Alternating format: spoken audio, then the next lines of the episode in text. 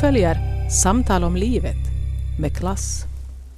Vi kan försöka hantera klassfrågan kanske på ett någorlunda anständigt och snyggt, snyggt sätt. Och för mig räcker det med, med det här att få vara lite kultursnobb. Jag behöver inte ha en limousin och sportbil och sånt här. Det sa författaren Leo Lötman från Åland som ni nu kommer att få höra i den andra delen av sommarserien Samtal om livet med klass. Mitt namn är Ann-Sofie Sandström. Vi hade stämt träff med Leo Lötman en lördag i slutet av april på en kombinerad bok och trädgårdsmässa nära Vasa. Leo skulle dit för att presentera sin senaste roman och jag ville prata med Leo om bland annat den essä han bidrog med i Söderströms klassantologi De andra från hösten 2009. Tar du mobilen med dig, frågade jag. Nej, den använder jag nästan aldrig, sa Leo. Sök upp min förläggare eller ring honom så kan han berätta vad jag är. Jag hittade Leo Lötman till slut, men på grund av oljudet sökte vi oss snabbt bort från mässområdet. Kanske Café Ernst inne i Vasa skulle vara tillräckligt lugnt för att man skulle kunna göra en inspelning en lördag eftermiddag. Vi börjar väl inte förrän vi har fått servering? Nej. Men när vi sen väl ska börja prata så har det hunnit komma in ett stort gäng glada och pratsamma män. Vi gör ett försök i alla fall. Du talar helt med vanlig röst? Ja, då talar jag med helt vanlig röst.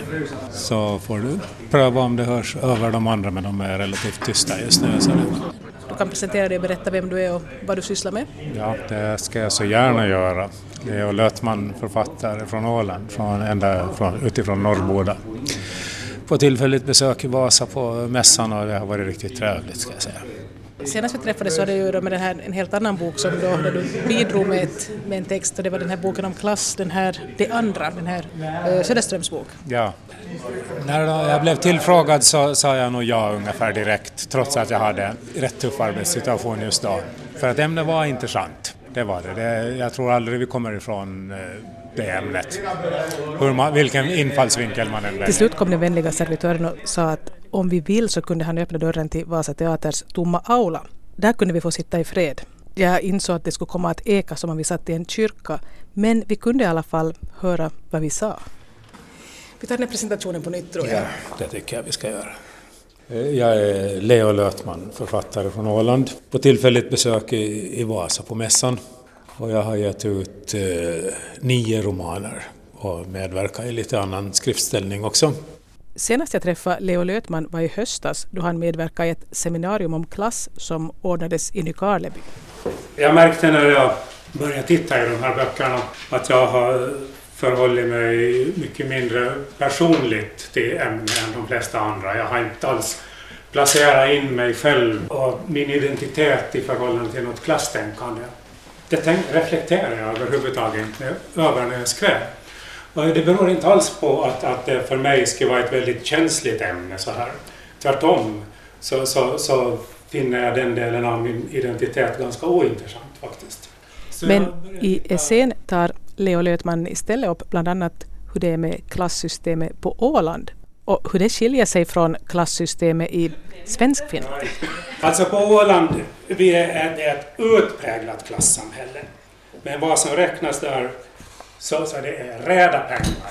Och pengar stavas på Åland med ä.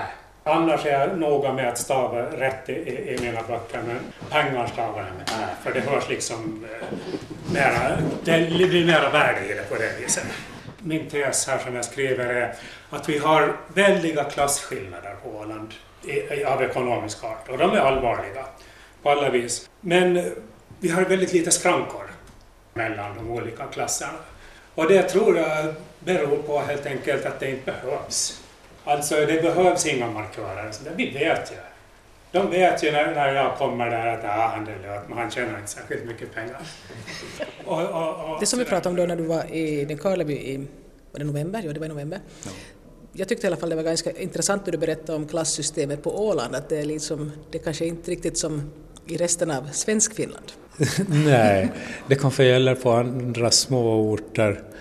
Men eh, alltså det här med, med några klass, eh, maner och ornament så här, liksom att skaffa sig de ornament som visar väldigt tydligt vart man hör och så där. Så det, det, funkar inte på det sättet där.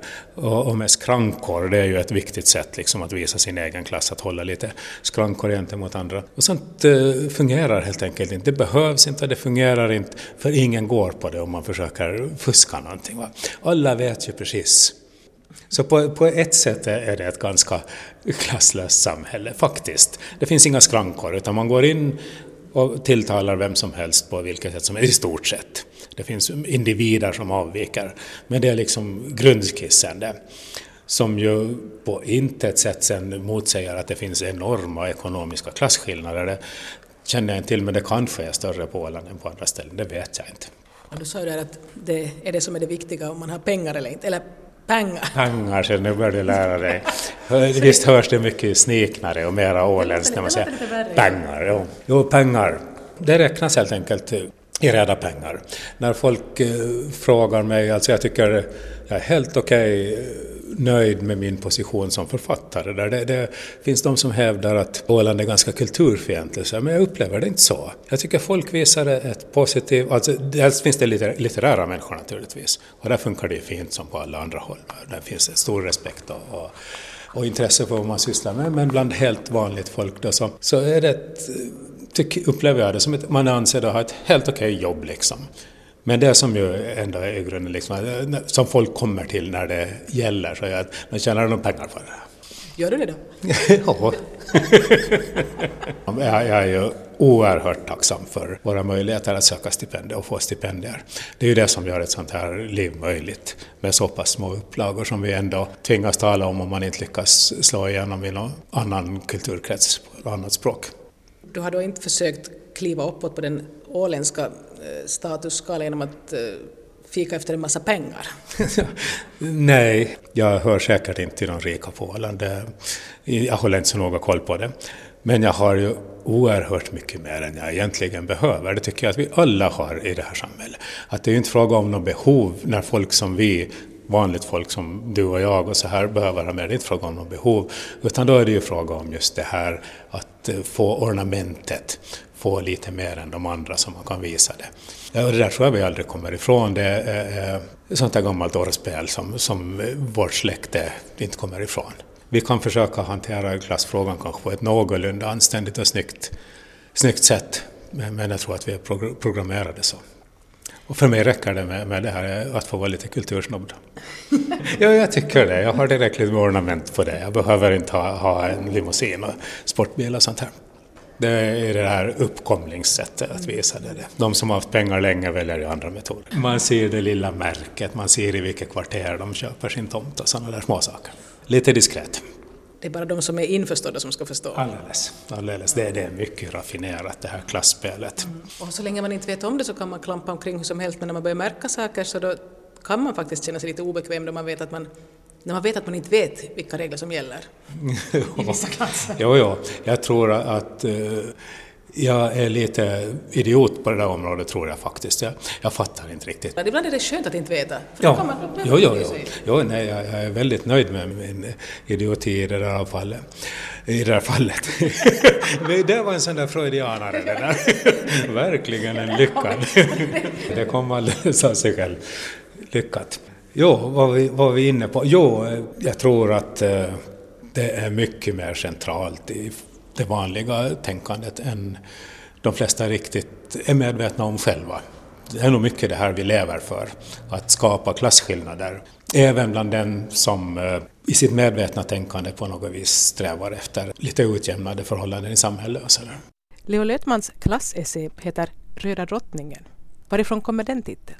Den kommer från eh, Alice i Underlandet.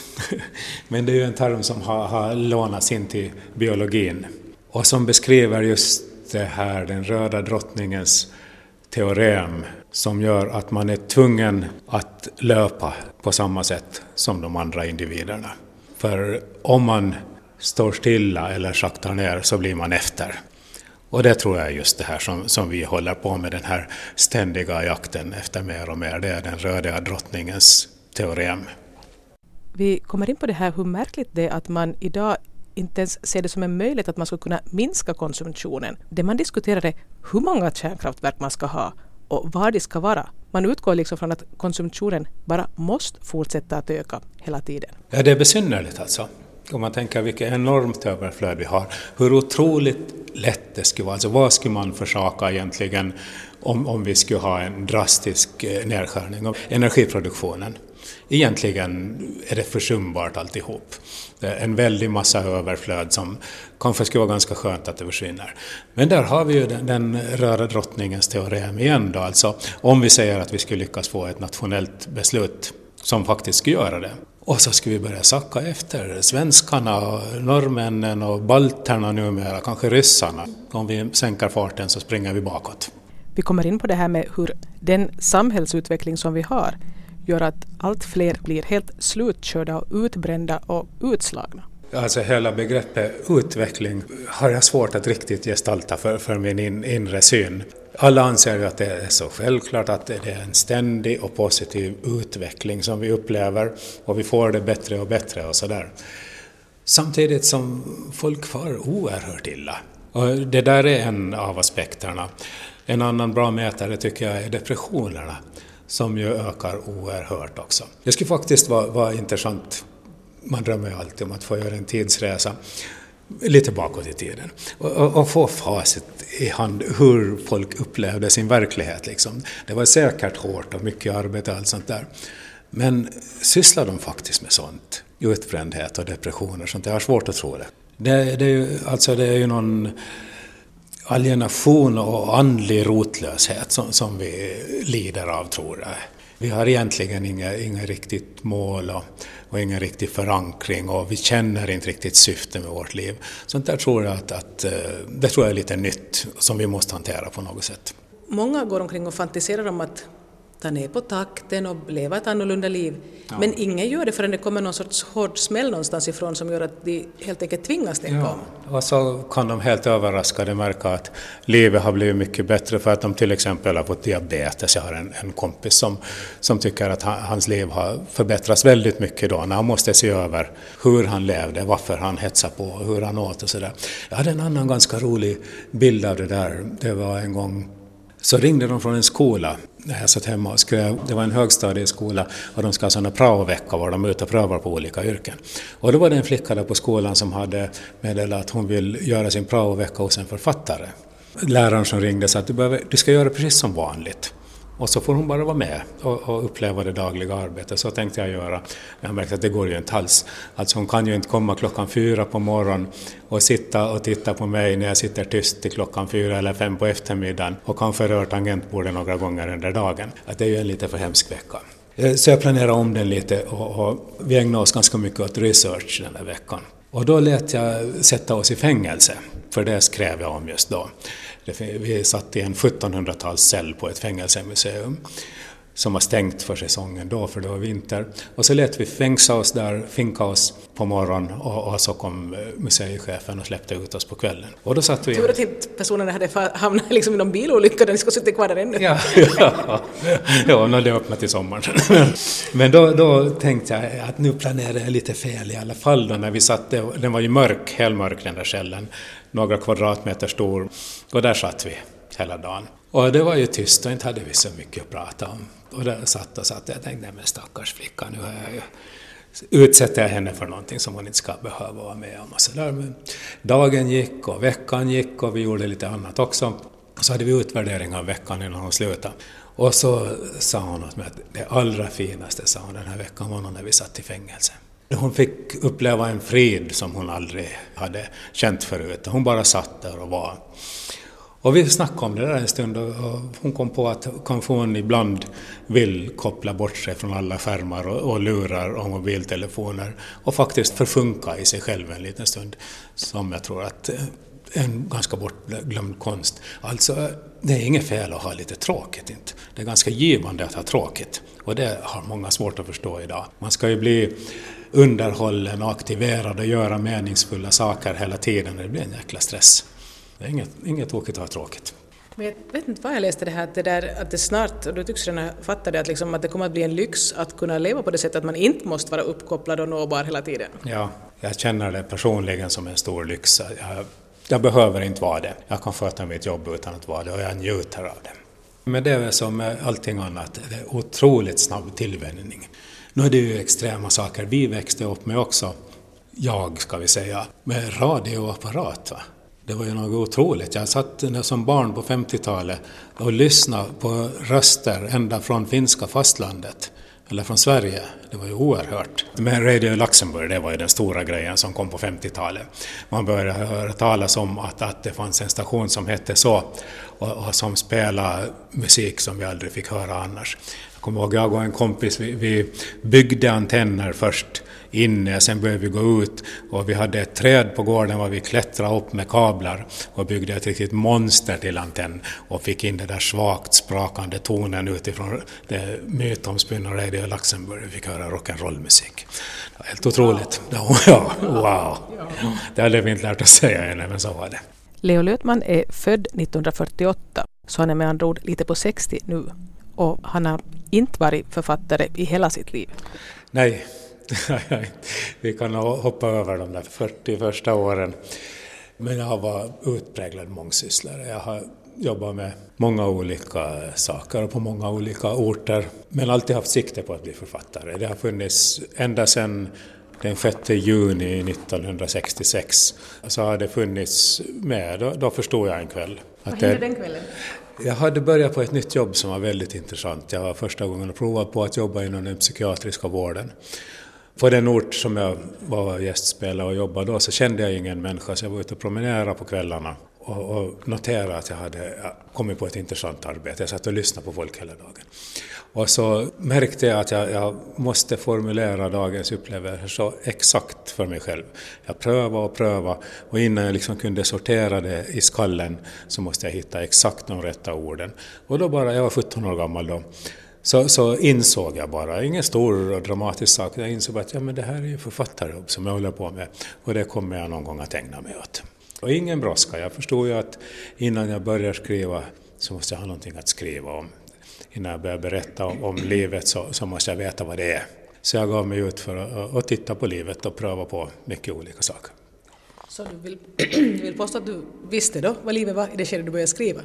Jag började få lite häng på, nej, nu ljuger jag. För jag började långt tidigare. Jag skrev en hel roman, alltså min första roman kom ut 92, 75 eh, ungefär. Från 75 till 78 kanske, då skrev jag min första roman. Så då jobbade jag, hade småbarn och jobbade på heltid och sådär och, och satt uppe på nätterna och skrev med papper och penna för att inte störa någon med skrivmaskinsknatter. Och under kanske tre års tid så skrev jag en roman. Efter den hade fått ligga till sig lite och några genomläsningar så tog jag manusbacken och en ask tändstickor och så gick jag ut, hade en brasa och brände upp den. Inte för att den var usel, men eh, den höll inte då ännu. Jag behövde titta på livet tio år till och sen började det liksom lossna. Och, och det gick förvånansvärt smärtfritt. Liksom. Jag har aldrig ångrat att jag brände upp den, utan det var en nyttig skrivövning. Och du har varit författare på heltid det här senaste Just, eh, drygt tio år, ja, kanske tolv. Ja, ja. Jag slutade jobba lite successivt. Jobba mindre och mindre. Men de senaste, jag tror det är tolv åren, så, så har jag inte hoppat in på något jobb. Men vilka saker gjorde då Leo Lötman då när han inte ännu var författare på heltid? Jag har aldrig varit polis, det är det lättaste sättet att sammanfatta min yrkeskarriär. Du nämnde någonting om du jobbar just som mentalvårdare. Jo, det har jag jobbat ganska mycket som och på olika delar av den psykiatriska vården. Dit har jag ofta återkommit. Det tycker jag är väldigt intressant och däremellan har jag gjort mycket handfasta saker, varit skeppsbyggare, fiskare och fiskodlare, husbyggare och ja, det för väldigt långt. Jag har varit bartender i Stornoway och så har jag varit knivslipare på Isle of Skye. Det liksom tycker jag sammanfattar ganska mycket sådär. Det var ett fint jobb att vara knivslipare. Men du nämnde också att i något skede när du då började skriva så hade du småbarn så du har haft familj och barn i något skede. Jag antar att de är vuxna dina barn nu? Ja, två, två vuxna söner. Har du då när du har haft, du haft småbarn, har du haft mera stationära jobb, att du inte har rört på dig? Det, den, det längsta sammanhängande anställning jag haft så var just när de var små. Då, då jobbade jag länge med specialundervisning och var föreståndare på en skola. Men om det nu är på det sättet att Leo Lötman alltid har varit hemskt nyfiken och rastlös och gjort en massa olika saker, är det då möjligt att han plötsligt en dag inte längre vill vara författare? Nej. Det tänker du fortsätta Ja, ja, tanken finns liksom inte. Jag har bett mina söner att de, när de märker att jag börjar bli lite för senil, att de försöker förhindra att jag ger ut någonting. för det tycker jag, det skulle vara onödigt om det kommer någonting som börjar bli alltför gaggigt. Tänk om du tycker själv att du är helt skärpt och de tycker att du verkar senil och så blir ni osams om det där. Det, där kommer att bli en kinkig sak att hantera. Det blir lite som, som med ättestup och sånt här. De får ta beslutet. När man lyssnar på Leo Lötman så verkar det ganska uppenbart att han aldrig var inställd på att han skulle ha ett enda yrke och sen göra karriär inom det.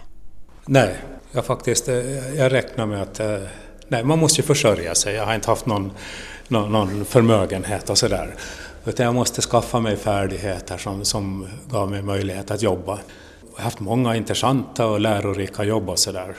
Men för mig har det alltid, det har aldrig, jag har aldrig varit karriärinriktad på det sättet. Fast jag säkert har mina ambitioner och jag är ganska karriärinriktad som författare. Fast jag inte alltid vill erkänna det. Men eh, det har alltid varit en självklar sak för mig att jag har varit, försökt vara ambitiös på mina jobb och göra mitt och göra rätt för mig. Men eh, det har helt enkelt varit för att försörja sig på ett hederligt sätt. Det var en sån där grundregel, att om man har hälsan så gör man rätt för sig. Och jag hade föräldrar som var precis så, jobba på hela sitt liv. Men inte hade mycket pengar. Är inte något överskott, Nej. men jag hade det helt okej okay på alla vis. Jag hade allt jag ingenting samlat på hög som, nej, skulle, så du skulle liksom bara nej. glida omkring i tillvaron? Och... Nej, nej, och det tycker jag de gjorde alldeles rätt i. Alltså det där med arv, det är nog ett särskilt fenomen om man ibland börjar göra sig några illusioner om människans eh, storhet eller godhet så bör man bara gå till närmsta arvsskifte, man kan ta nästan vilket som helst. Det gamla talesättet liksom att när Gud kommer med döden kommer fan med arvingarna. Och det besannas i de mest osannolika fall. Då tappar folk koncepten. Och det gäller överallt. Men det märks sen när man talar med folk som har mycket pengar och försöker få dem att för, förklara på vilket sätt det gör dem så hemskt mycket lyckligare.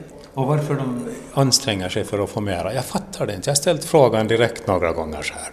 Och det är ofta de som är mest energiska, som verkligen fikar efter varje liten slant. De som har någon miljon. Ja, det är intressant. Vi är, vi är en, ett förunderligt släkte.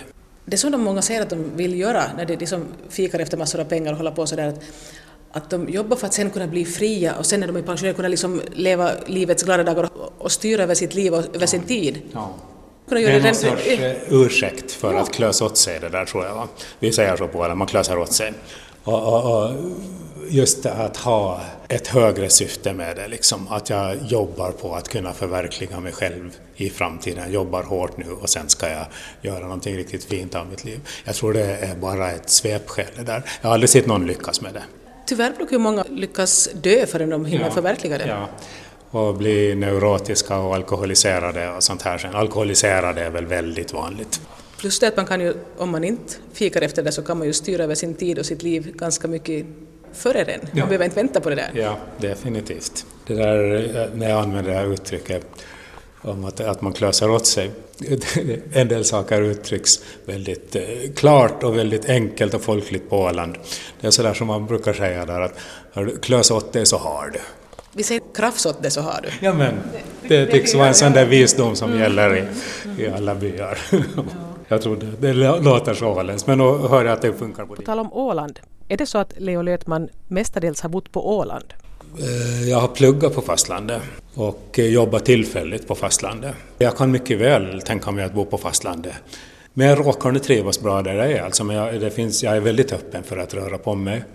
Och jag har nog jobbat och rört mig i många olika eh, länder och miljöer. Det har jag gjort.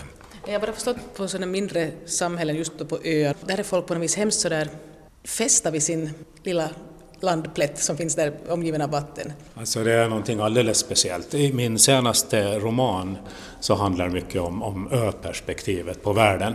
För när jag umgås i internationella sammanhang och sådär så det bara blir så så småningom att jag sitter tillsammans med öbor, alltså islänningar, färöingar, guter, folk från Kanalöarna i England och sådär.